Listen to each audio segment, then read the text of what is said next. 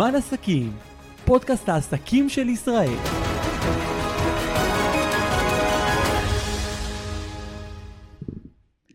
ברוכים הבאים לפרק נוסף של פודקאסט זמן עסקים. אני קטיה אגינוב, והיום נדבר אולי על השוק החם ביותר שיש, שוק הנדל"ן.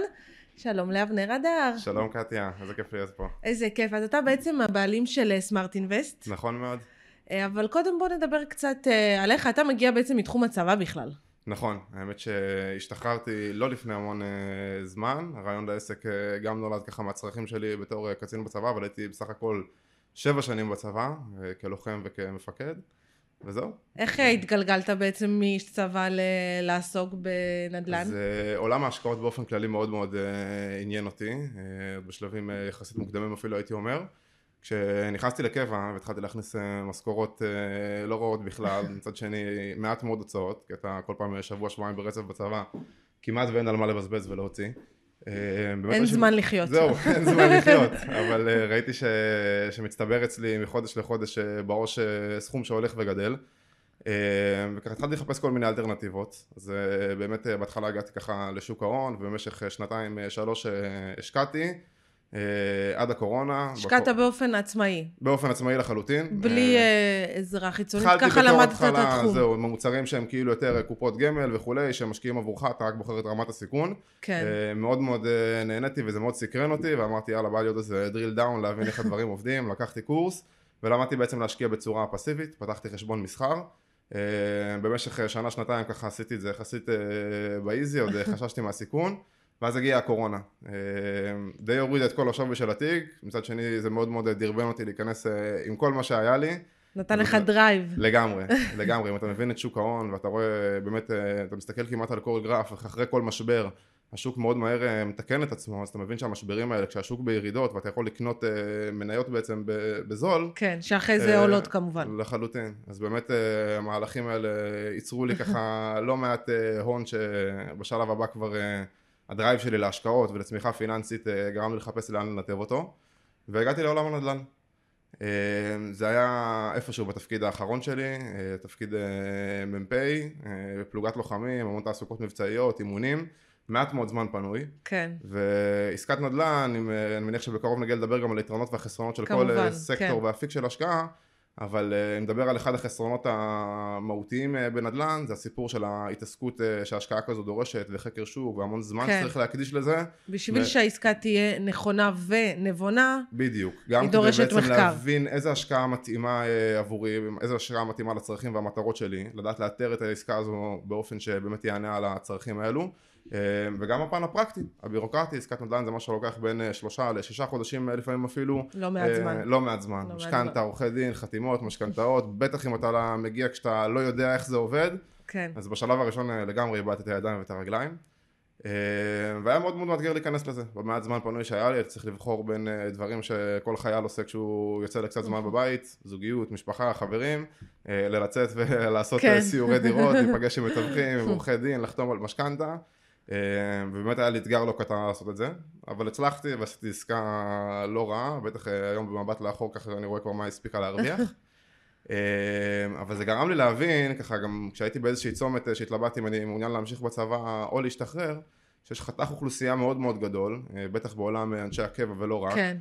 של אנשים שרוצים, יכולים להשקיע, אני אפילו אגיד צריכים להשקיע, כי... כי יש להם את האמצעים בזכות המשכורות שהם מרוויחים. ממש מצב זהה לשלי, בעצם משכורת טובה, הולכת, מצטברת, אני קורא לזה כסף שמעלה אבק בעו"ש. כן. אה, הוא לא מושקע בשום מקום, זה מעבר לזה שהכסף לא עובד, גם הערך שלו הולך ונשחק. זה מי שרגע מבין כלכלה ורואה תהליכים, והיום כן. רגע מדברים ברמה אקטואלית, אה, ממש אפשר לראות אה, איך זה קורה מול העיניים שלנו, האינפלציה והתייקרות מחירים ועליית מחירי הדיור. נכון. אה, וברמה עובדתית, תיכנסי היום עם 100 שקלים לסופר, זה לא קונה לך את מה שהם היו קונים לפני חמש שנים. אולי אפילו לא מה שהיה קונה אתמול. נכון. עם השינויים, עם הדלק, עם הכל, זה מטורף.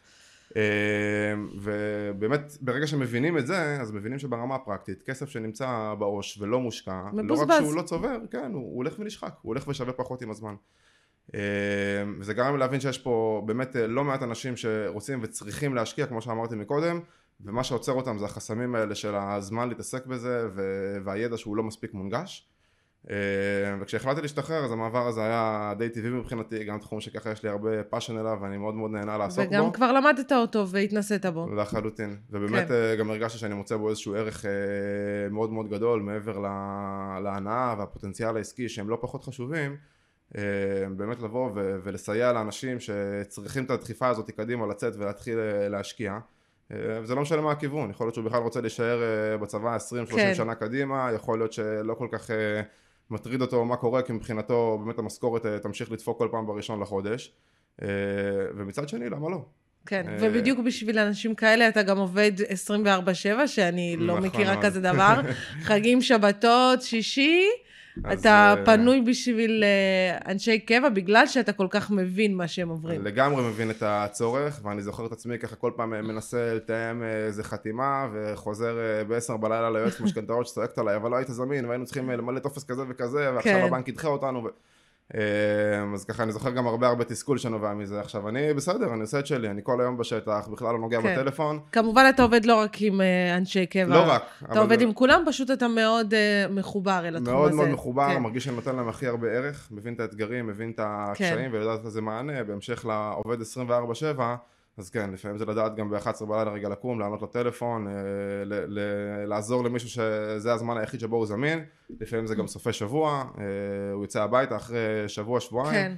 אז שבת בבוקר, ככה כשהוא בנחת ויכול לשבת אה, על כוס קפה ובאמת לא להיות טרוד ממה שקורה סביבו, זה גם הזמן הכי טוב להניע את התהליכים כן. האלה, שהם דורשים מדהים, אה, חשיבה זה ושקט. מדהים כן. בשבילם שיש מישהו שמוכן אה, כן. להקריב את השבתות שלו, כן. בשבילם, כן. אה, אז מה בעצם השירותים שמספקת סמארט אינבסט? אז בתור התחלה ליווי לכל עולם ההשקעות, בשלב הראשון אנחנו נשב ביחד, אני והלקוח, ונעשה רגע אפיון צרכים ונבין מה, מה המטרות. זה השלב הראשון והוא הכי קריטי, כי לפני שמגדירים אה, מטרה בעצם לא יודעים אה, לאן ללכת. יש המון המון אפשרויות להשקיע, תמיד ככה באיזה שיחת מסדרון, אני אומר למי שאני מלווה משקיעים, אז אומר לי, מה, אז איפה להשקיע? אה, וזה כאילו משהו שבעיניי לענות בצורה אינסטינקטיבית איזושהי תשובה, זאת שגיאה. כי אין השקעה אחת שהיא נכונה. אה, זה מאוד אינדיבידואלי, לכל השקעה יש יתרונות וחסרונות. כן, גם כל אה, אחד מגיע עם אה, מטרה שונה. נכון, למרות שבסוף המטרה של כולם היא להרוויח עוד נכון, כסף. נכון, לה- להרוויח עוד כסף, אבל הצרכים הם משתנים, וטווחי הזמן הם משתנים, כן. ובאמת ברגע שלומדים לעשות את ההתאמות, להבין מה היתרונות והחסרונות שטמונים בכל השקעה, אז יודעים מה- הכי נכון עבור כל אחד, וזה השלב הראשון, לאפיין צרכים, להבין באמת לאן כל אחד שואף. ומשם לצאת לאיזושהי תוכנית אה, פעולה. אה, אם אנחנו יודעים שלצורך העניין אנחנו משקיעים לטווח זמן של בין חמש לעשר שני- שנים סכום כזה וכזה, יכול להיות שנלך לעסקת נדל"ן, ואם אנחנו מבינים שטווחי הזמן הם יותר ארוכים, אה, ומצד שני גם חשיבה על נזילות של הכסף, אז אה, אולי דווקא נלך אה, לשוק ההון, גם פה יש רמות סיכון, מתכננים כן. באמת בהתאם לטווחי הזמן השונים ולצרכים. וגם אם נעשה עוד איזה drill down לתוך עסקאות הנדל"ן, אז יש כאלה שהמטרה שלהם היא תשואה הונית כמה שיותר גבוהה, בעצם אה, לבצע עסקה ותוך כמה שנים למכור ברווח כמה שיותר גדול, לעשות כן. תשואה על ההון שהשקענו אל מול תשואה פירותית. אה, זו התשואה השנייה שמקובל להתייחס אליה בנדל"ן.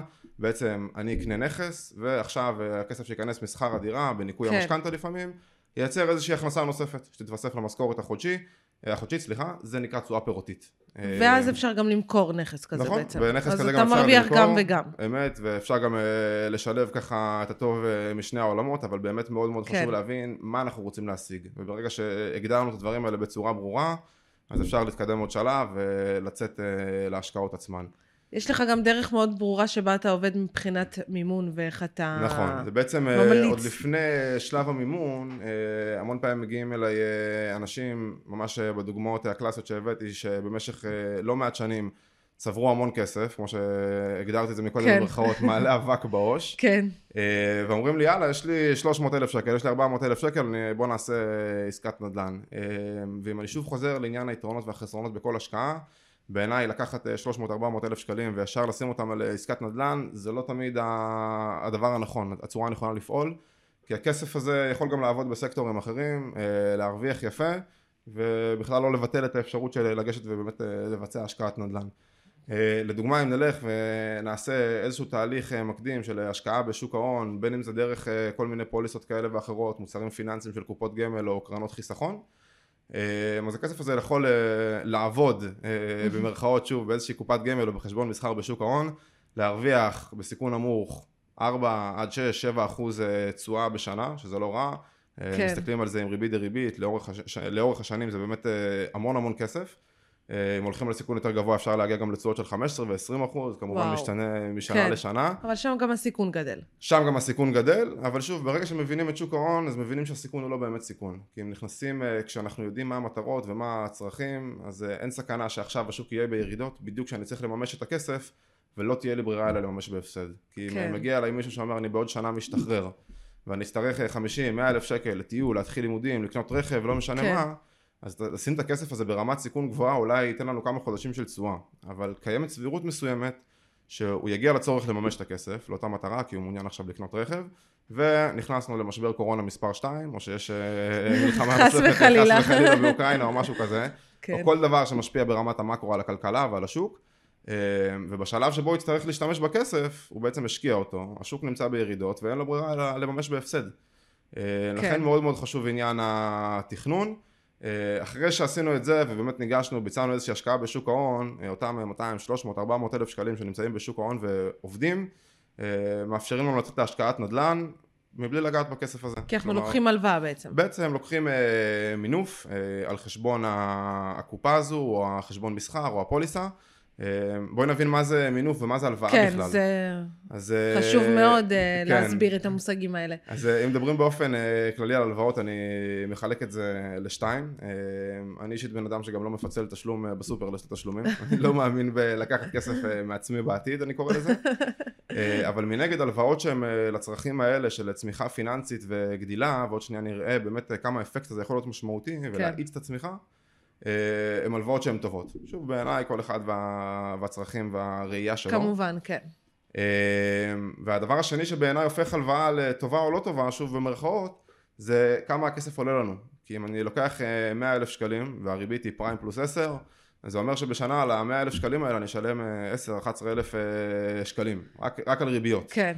אה, וזה בעצם הופך לכסף שהוא מאוד מאוד יקר. מנגד, אם נכון. אני מצליח להביא הלוואה שהיא זולה, אה, פריים מינוס חצי, וזה באמת הולך לאותן הלוואות שהן אה, כנגד קרנות כאלה ואחרות. וזה בזכות ההשקעה נכון, שבוצעה. כי בעצם מה, שהופ... מה הופך הלוואה לזולה? כשגורם מסוים מלווה לי כסף, הוא מחליט על מחיר ההלוואה, על הריבית שהוא ייתן לי, לפי רמת הסיכון שהוא לוקח עליי. Mm, אם אני אגש מחר אה, לבנק ויגיד להם שלום אני רוצה 100 אלף שקלים, הם יוציאו עליי BDI, דוח אשראי, יגידו לי תראה אתה מכניס אה, 5,000 שקלים בחודש, מוציא 4,800 שקלים בחודש, זה הממוצע, אז יש לך יכולת החזר של לחיות. 200 שקלים, כן. אה, זה בסדר, יש פה יכולת החזר מסוימת, בוא אנחנו ניתן לך 100 אלף שקלים, אבל בגלל שאנחנו לוקחים עליך סיכון מאוד משמעותי שלא תוכל להחזיר את הכסף, הריבית היא בהתאם. הסיכון כן. הזה בעצם עולה לך אה, כסף, עולה לך ריבית שבאיזשהו שהיא יותר אופן יקרה. זה מצחיק, כי כמה שאנשים יש להם פחות כסף, ככה הם ישלמו ככה הם ישלמו יותר ריבית, אתה הזה. מבין? נכון, נכון. זה, זה עצוב שזה עובד זה- ככה. בגלל זה במצב הזה אני גם אומר, כאילו אם רגע מדברים פה על עקרונות להתנהלות אה, כלכלית, במצב שאין כסף, אה, זה לא נקודת פתיחה להגיע ולקחת עוד כסף. כי זה ממש כמו שאמרת, זה קצת אירוני שזה ככה, כן, אבל זה המצב. וזה יכול באמת להכניס עובד. אנשים לאיזה לופ כזה אינסופי שמאוד קשה לצאת ממנו לפעמים. כן. אה, שוב, כי הכסף הוא מאוד מאוד יקר. אה, לצורך העניין, אבל כשאנחנו מדברים, אה, אפילו אם אנחנו הולכים למשכנתה, מה הופך את ההלוואה הזו לזולה? מדובר בהלוואה של בין כמה מאות אלפי שקלים, לפעמים מגיע גם למספרים של כמה מיליונים. גם אם הבנק יראה שיש לי יכולת החזר טובה, אתה חוסך אה, 7,000 שקל בחודש, אז בוא, קח משכנתה על 2 מיליון, אבל יכול להיות שמחר אתה מפוטר מהעבודה, שיש איזשהו משבר בשוק שאתה עובד בו, או כל דבר כזה או אחר, כן, ויכולת ההחזר שלך תיפסק. Uh, הערובה שלהם בעצם לפני שהם נותנים לי 2 מיליון שקלים לצורך העניין זה להגיד אתה קונה נכס. אז הנכס הזה הוא ממושכן לטובת ההלוואה. אנחנו בעצם משעבדים את הנכס ובמידה ואתה לא עומד בהחזרי התשלומים מאיזושהי סיבה מגיע למצב שנקרא חדלות פירעון אתה לא יכול לפרוע את ההלוואה. כן. uh, אנחנו ניגשים לנכס אתה נותן לנו את היפוי כוח המשפטי לעשות את זה מעכלים אותו ודרך זה אנחנו יכולים להחזיר את ההלוואה כלומר לנו יש איזשהו ביטחון שלא קשור להכנסות שלך כן. שההלוואה תחזור. זה מאפשר להם לתת לנו תנאים שהם יותר טובים, יותר זולים, ובאמת לקבל משכנתה. אבל יש בזה איזשהו. סיכון גם. יש פה סיכון אם uh, בסוף uh, נכנסים לזה בלי לדעת בצורה ודאית, שבאמת נוכל לשלם לאורך תקופת המשכנתה, בין אם זה מההכנסות שלנו, בין אם זה משכר דירה שנכנס על הדירה או כל דבר כזה או אחר, כן. וכן, צריך פה תכנון. אבל uh, כשניגשים ל- לעסקת נדל"ן ומאפיינים אותה, אז לפעמים מבינים שאנחנו רוצים להיכנס גם לעסקאות האלה ביותר מ-75% מימון, שזה המקסימום שהבנק יודע לתת לנו. Mm, אה, כן. היום מהרגולציה של בנק ישראל מאפשרת משכנתה של עד 75%. יגיע זוג צעיר שעכשיו התחתן, הוא רוצה לקנות אה, דירה והוא יודע שיהיה לו מיליון שקלים. הוא ייגש לבנק, אה, יתאר להם את כן. הדירה, יגיד להם מה הוא רוצה לקנות, הבנק יבדוק, יגיד להם מעולה. אתם יכולים לקבל משכנתה, המשכנתה הזו לא תעלה ליותר מ-750 אלף שקלים. הערך של הבית הוא מיליון, אנחנו נותנים לכם 75 אחוז. השאר זה עליכם. נכון, הון עצמי מה שנקרא, כן. 250 אלף שקלים תצטרכו להביא בעצמכם. אה, אני חוזר למה שאמרתי מקודם, אם אותם 250 אלף שקלים יכולים אה, לעבוד באפיקים אחרים, ולהגדיל אותם. זהו, ולגדול בעצמם, ואנחנו יכולים באמת אה, להביא אותם ממקור אחר בצורה שהיא חכמה ושקולה, אז לפעמים זה עדיף. אז אה, לפעמים בעצם מחכים שההשקעה תניב כסף לפני לא שלוקחים... בהכרח צריך אה, לחכות כדי שההשקעה... כי אם ההון העצמי. שלהם הוא כל מה שיש, וכבר יש את ה-75 מיליון. אז זה באמת אה, מאוד מאוד אה, משתנה מבן כן. אדם לבן אדם, וצריך פה תהליך מאוד מקדים של אפיון. כן, זה גם העבודה שלך בעצם, לבדוק את באמת הכיוונים. לאפיין שזה כן. מתאים עבורו, וככה אני מאוד מאוד מקפיד שאם אני רואה שיותר מדי מינוף, הלוואות שהן גדולות מדי, דירה באחוז מימון שהוא יותר מדי גבוה עבור אדם מסוים, כי זה כרגע המצב שלו מבחינת הכנסות הוצאות, כן. אני אמליץ לו בחום אה, שלא להיכנס להשקעה כזו, אה, גם אה, לא, לא ילווה אותו להשקעה שבעיניי היא מסוכנת עבורו או, או לא נכונה, אה, ברמה הפיננסית, אתה ברמה ממליץ האישית. על השקעות עם אה, הון עצמי נמוך? זה משהו שאפשרי? במידה וזה מתאים, אז כן, זה, זה מה אתה בהחלט מגדיר אפשרי. הון עצמי נמוך? אה, הון עצמי נמוך, אני יכול לתת דוגמה לעסקה האחרונה שחתמתי עם אה, דוגמאות זה לקוח. תמיד מעולה, כן. אה, לצורך העניין, הדירה שקנינו אחרי שעשינו סיור נכסים, שבאמת אה, התאים לצרכים והמטרות המטרות שלו, אה, והוא ראה דירה שהוא אהב, עלתה 835 אלף שקלים, באמת אה, עסקה מצוינת, מוכר שככה היה לחוץ למכור, אז המחיר אפילו היה טיפה מתחת למחיר השוק. שזה נדיר למצוא. אה, נדיר למצוא, אבל אם יודעים לחפש אז אה, זה כן. קיים. אה, בעצם המחיר של הנכס היה 835 אלף שקלים כמו שאמרתי, אם אני מוסיף כן. את כל ההוצאות הנלוות בעסקה, שזה גם משהו שחשוב לתכנן אותו, אה, ייעוץ משכנתה ועורך דין ותיווך ושמאות, כל מיני עמלות ואגרות שנצטרך לשלם, בעצם אה, עלות העסקה הגיעה כמעט ל-900 אלף שקלים, קצת פחות מזה. אה, אותו בחור שילם אה, מכיסו, אני חושב באזור ה-33 אלף שקלים, אולי אה, טיפה יותר. אוקיי. כן, אה, אז לא 100% מימון, אבל אה, זה באמת מראה שאפשר להיכנס לעסקאות האלה גם עם אה, מעט כסף. כן. אה, אם לצורך העניין אני רגע מפרק את העסקה ואת התוכנית מימון ואת מה שעשינו שם, הוא באמת הגיע עם הון עצמי שהוא מאוד מאוד גבוה. אה, ידע שהוא הולך אה, להישאר אה, בצבא לאורך אה, תקופה שהיא די ארוכה. אה, וככה אין לו בעיה להיכנס אה, לתזרים שהוא אפסי, כלומר החזרי הלוואות אה, יכוסו כן. בדיוק על ידי שכר הדירה. ולא זה התאים במקרה הזה. אז עשינו כמה מהלכים כן. כאלה ואחרים, הכסף שלו הושקע בשוק ההון. את הכסף הזה מינפנו, לקחנו איזושהי הלוואה שהיא בעצם שימשה בתור ההון העצמי הזה, ואיתה יצאנו ל- לקבל משכנתה. אה, ובאמת זה הגיע למספרים שתיארתי מקודם. כן.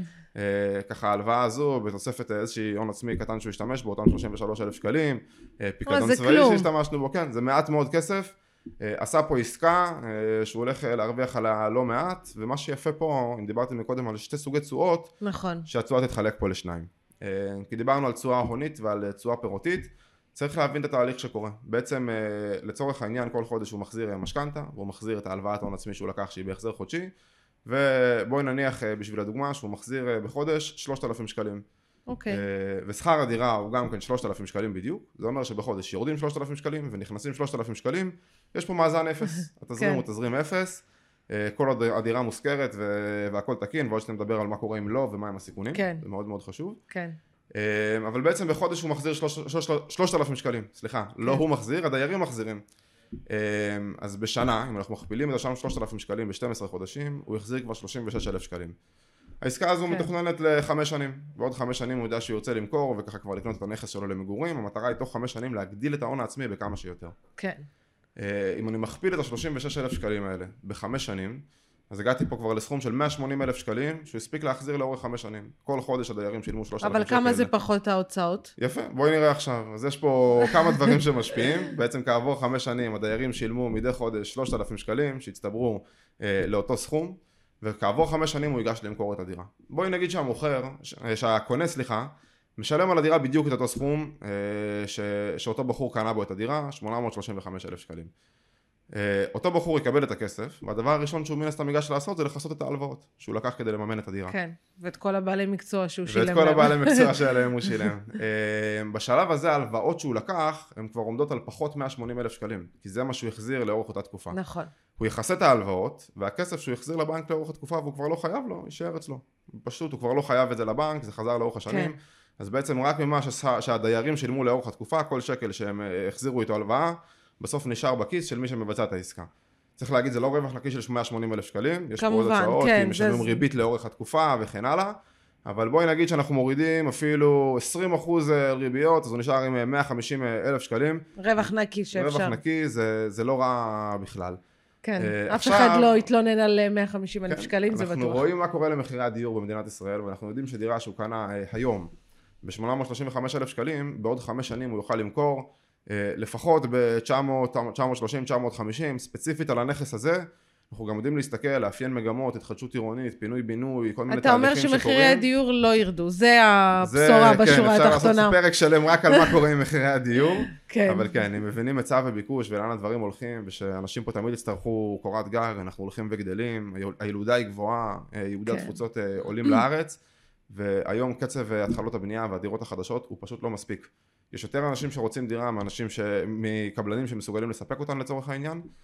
אה, וזה מה שמוביל לעליית כן. מחירים שבאופק הנראה לעין אני לא רואה איך היא תעצור עד שלא יביאו פה מצב שהיצע הדירות יגדל בצורה משמעותית יותר היתרי בנייה יותר קרקעות שיופשרו כן. הקלות על קבלנים אה, אני לא רואה תרחיש שבו המחירים ירדו ואם אני חוזר להשקעה בעצם כן. גם אנחנו מבינים שהוא מוכר ברווח שהוא לא גדול אפילו 60, 70, 80, 100 אלף שקל כעבור אה, חמש שנים רווחים שהם בהחלט אה, ריאליים ואני מוסיף את זה לתשואה שכבר דיברנו עליה שמצטברת משכר הדירה שמשולם כל חודש זה מה שנקרא תשואה מצרפית בעצם כן. גם אה, התשואה שמצטברת לאורך השנים גם התשואה ההונית שהוא עושה במכירת הנכס אה, מגיעים פה לסכומים לא רעים אפשר תוך חמש שנים לעשות עסקאות שהרווחיות שלהם עומדת על בין כן. 200 ל-300 אלף שקלים אה, ויותר מזה כן. והזכרת את הסיכונים קודם, אז נכון, אז בואו באמת נדבר חשוב על מאוד הסיכונים. להבין, ככה אנשים לפעמים שומעים מה עסקאות ללא הון עצמי, יאללה תכניס אותי, מתאים לי, ובאמת צריך להבין רגע מה המשמעויות אה, של המהלכים האלו. אז אה, סיכונים, בואי נדבר באופן כללי על הסיכונים אה, כן. בנדל"ן.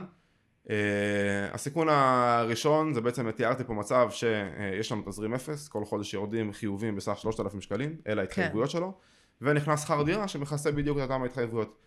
מה קורה אם הדירה לא מושכרת? אם אה, במקרה ככה, אני לא יודע מה, כן. אה, לא הספיק להשכיר אותה בזמן, התפנו דיירים, אה, לא הגיע להראות את הדירה חודש, חודשיים לפני, ובמשך חודש היא עומדת ריקה. בחודש הזה הוא ישלם החזרי הלוואות, לא ייכנס שכר דירה, ובעצם הוא נמצא במינוס באותו חודש. זה תרחיש שיכול לקרות, וצריך להיות כן. ערוכים אליו.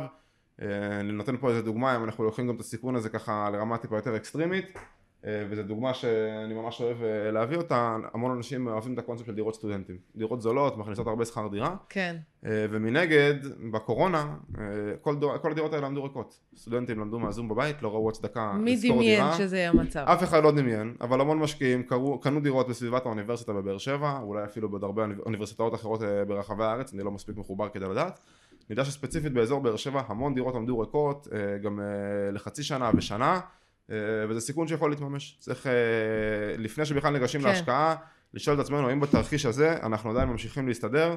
אם התשובה היא כן, אז מעולה, ההשקעה הזו מתאימה. אם אם התשובה היא לא, אז uh, כנראה שצריך לחפש פתרונות אחרים, אולי לא ללכת לעסקה ב-100% מימון, אולי נדל"ן זה לא הכיוון כרגע, זה סיכון אחד. הסיכון הנוסף, כשהולכים להלוואות שהן במימון גבוה, לעסקאות שהן במימון גבוה, סליחה, זה בעצם כל מה שקשור לריביות. הריבית לעולם תהיה מוצמדת למדד שנקרא מדד הפריים. Uh, כשניגשים לבנק, בין אם זה משכנתה, בין אם זה, זה הלוואה בנקאית, או אפילו כן. בחברת האשראי, הריבית כמעט תמיד תהיה מוצמדת למדד הפריים. יגידו הריבית שלך היא פריים פלוס אחד, היא פריים מינוס חצי וכן הלאה. בואי נבין רגע מה זה פריים. כן. אה, מקודם תיארנו פה תהליך של אינפלציה, שהיא קבועה לאורך השנים, ואנחנו רואים עליית מחירים, בעצם אנחנו מסכימים על זה שהערך של הכסף הולך ויורד. יבוא הבנק, יביא לי מיליון שקלים, ויגיד לי תחזיר אותם בעוד עשר שנים. כעבור עשר שנים, אותם מיליון שקלים כבר שווים פחות ממה שהם היו בזמן שהוא הביא לי אותם. הם שווים לצורך. העניין, אם הייתה אינפלציה של 10 אחוז, כן. אה, אותם אה, מיליון שקלים שווים באותה תקופה מיליון מאה. אה, אז הבנק הפסיד עליי כסף, עשה לי טובה, הלווה לי, אפילו בריבית כדי להרוויח קצת, אבל האינפלציה בעצם גרמה לו להפסיד כסף.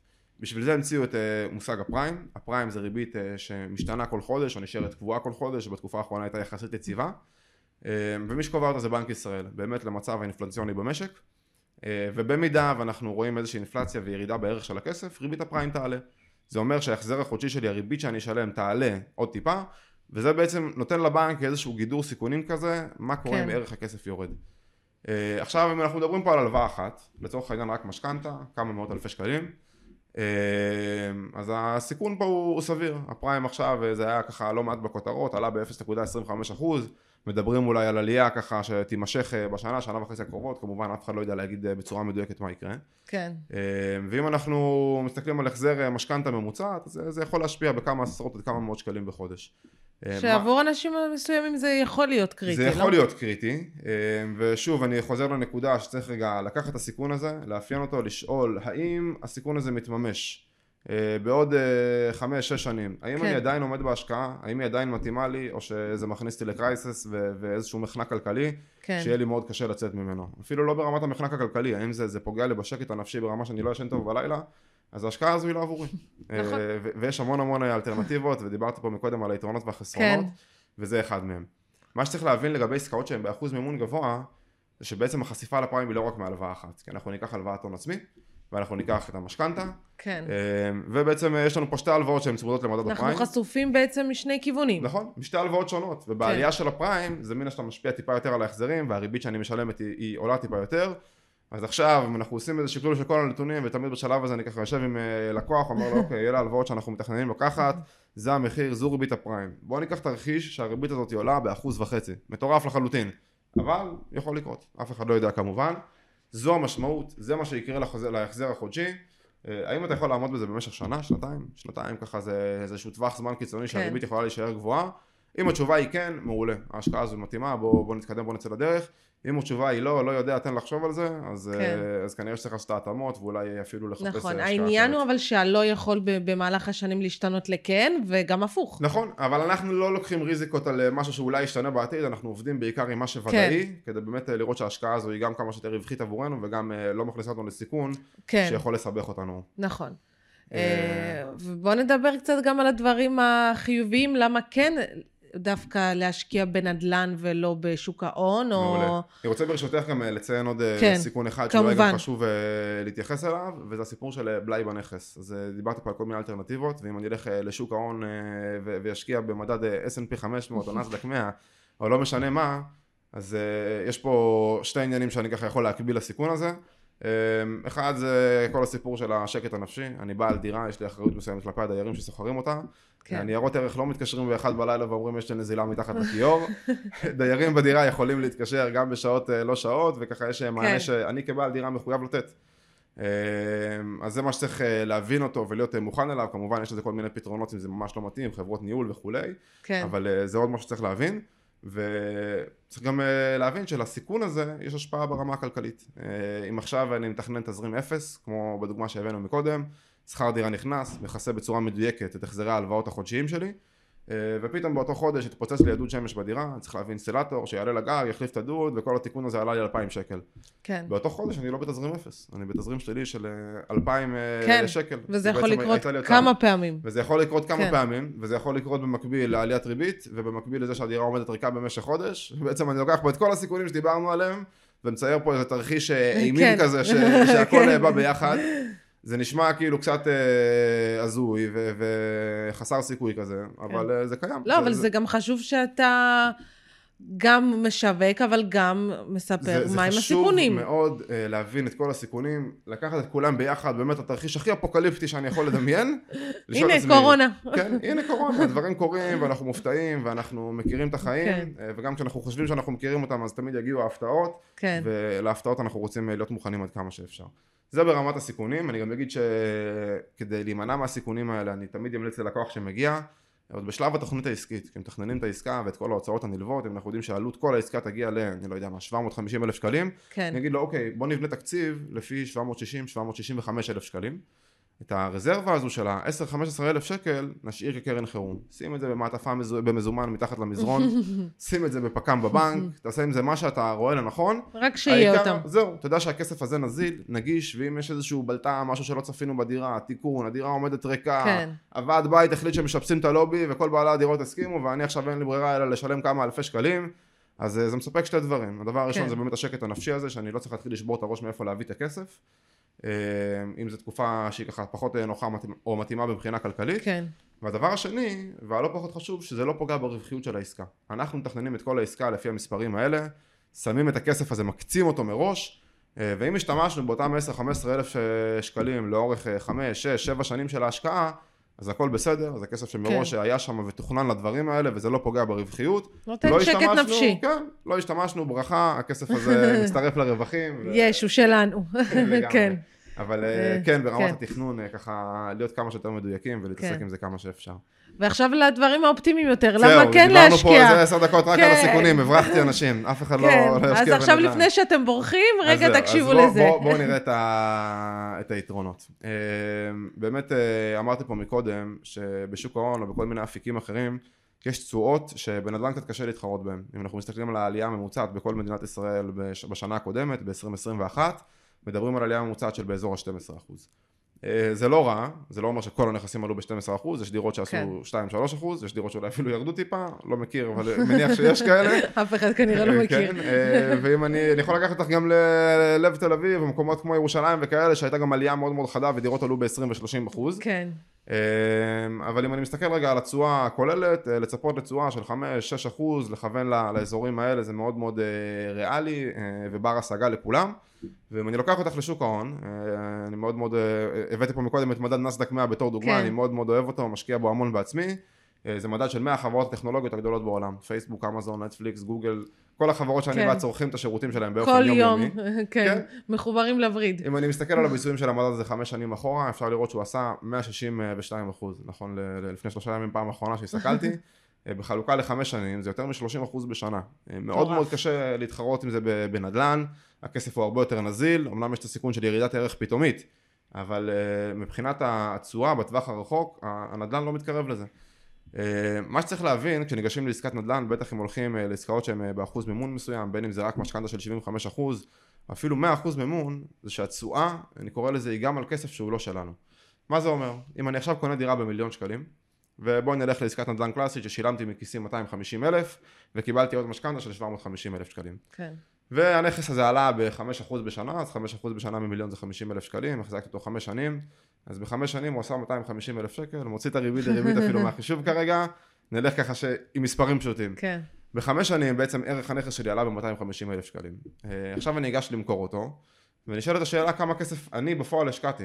אה, כן. אם אני מוציא רגע את המשכנתה מהמשוואה, אני רואה שאני שמתי 250 אלף שקלים, וקיבלתי על ה-250 אלף שקלים האלה עוד 250 אלף שקלים, זה בעצם 100% תשואה על הכסף שלי.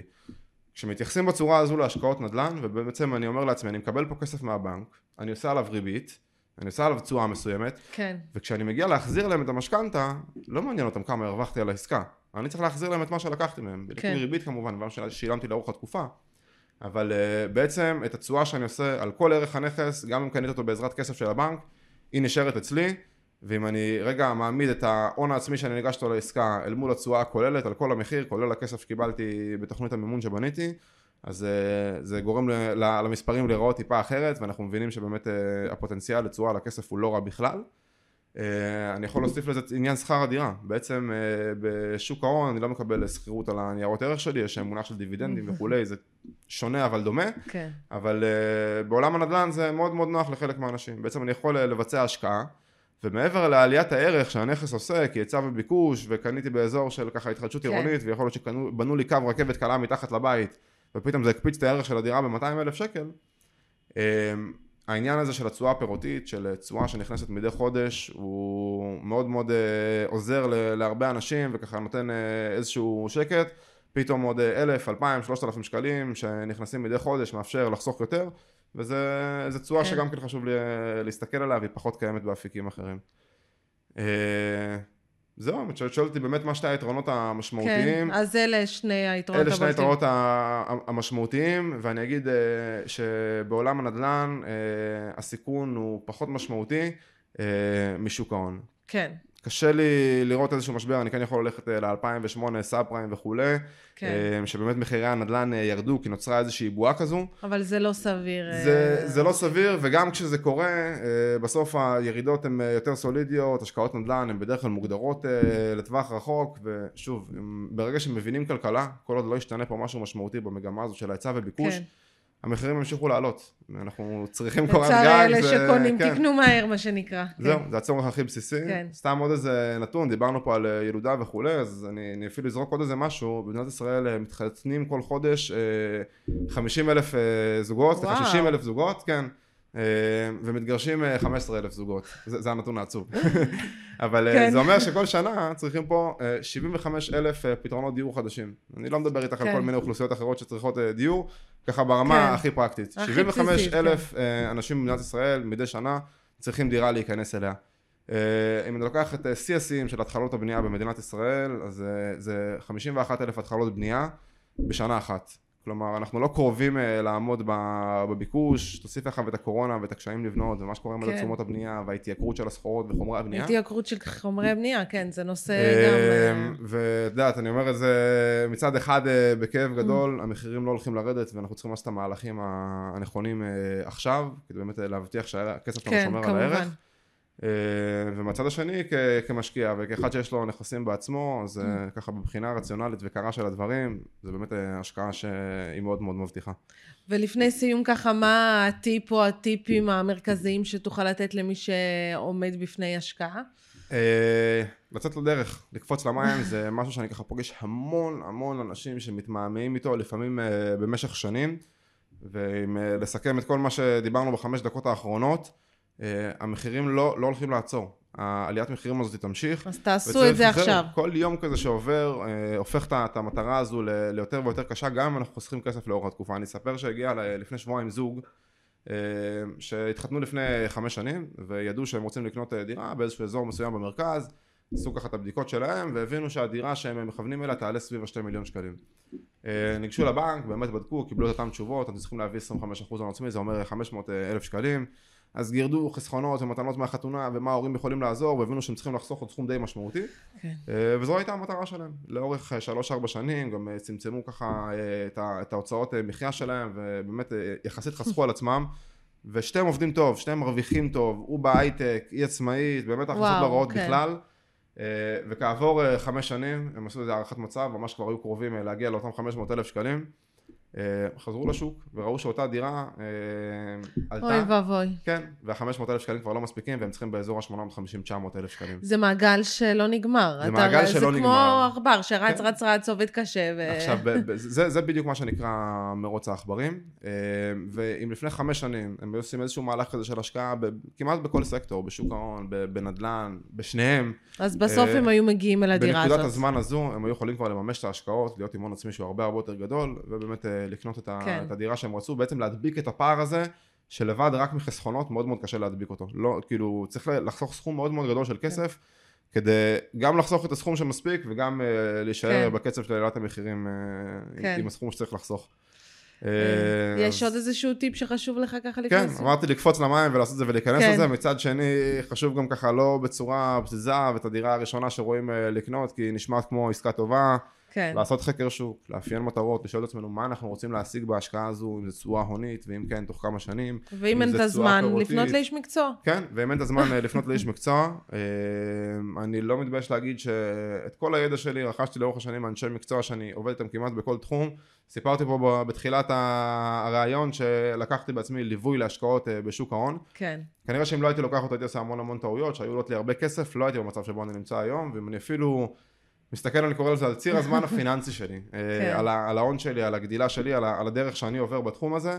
אה, כל פעם שאני רואה איזושהי קפיצה קוונטית כזאת שממש אה, לקחה אותי עוד צעד קדימה ו- וגרמה לי לצמוח הרבה יותר מהר ושואל את עצמי מה קדם לה, אז זה איזושהי נקודה כזו שבה אמרתי פה אני משלם כסף על ידע ולוקח איש מקצוע שילווה אותי יד ביד לעשות דברים כמו שצריך וכך היה. זה הניב לך בסוף תוצאות, כן. ידע זה, זה משהו שלחלוטין שווה לשלם עליו. ידע שווה כסף, כן. זה... ואנחנו. נשלם עליו ככה או ככה. או כי נעשה טעויות שיעלו לנו כסף. לא בדיוק, אנחנו זה טיפשים, נקודה כי- מאוד חשובה, זהו, נכון. הנ- הניסיון הוא, הוא פקטור מאוד משמעותי בדברים האלה, אז או שאני אעשה טעויות אה, ש, שרוב האנשים שמתחילים יעשו אותם, והם יכולות לעלות אה, לפעמים כמה אלפי שקלים, לפעמים גם כמה עשרות אלפי שקלים. יעלו יותר כן, מבעל מקצוע. או שאני אקח ליווי של אה, איש מקצוע, וזה בכל תחום. אני ארצה עורך דין הכי טוב, שבאמת אה, יגן עליי בעסקה ויראה ש... כן. ש... שהוא דואג לאינטרסים שלי. אני ארצה יועץ משכנתאות, שאומנם זה עוד כמה אלפי שקלים בהוצאות הנלוות, ואנשים אומרים לפעמים, טוב מה, אני אלך ליועץ משכנתאות של הבנק. זה בחינם, הוא ייתן לי משכנתה, וחסכתי כמה כן. אלפים. אבל uh, אותם כמה אלפים, כשאנחנו מדברים פה על הלוואה שמגיעה למאות אלפים, אפילו מיליוני שקלים, במקצוענות הזאת של היועץ משכנתאות שיודע לבחון את הדברים ולהשיג תנאים יותר טובים, uh, זה באמת יכול לחסוך בטווח הרחוק גם עשרות ומאות אלפי שקלים לפעמים כן. בריביות שמשלמים. תשלמו לאנשי המקצוע הנכונים, אה, ככה איפה שצריך אה, להתקמצן ולדעת אה, להוריד מחירים ולשלם כמה שפחות, זאת גישה נכונה, איפה שצריך לשים כסף, שמים כסף, זה, זה החלטות שהן אה, משתלמות והן אה, מאוד נבונות בעיניי. אבנר, תודה רבה לך. תודה לך, למדנו ממך היה ממש המון. כיף, תודה רבה. תודה רבה לכם שהייתם איתנו בפרק נוסף של זמן עסקים. אנחנו נתראה בפרקים הבאים. רוצים להיות חלק ממשפחת זמן עסקים ולהציג את העסק שלכם? השאירו פרטים בלינק שנמצא בתיאור.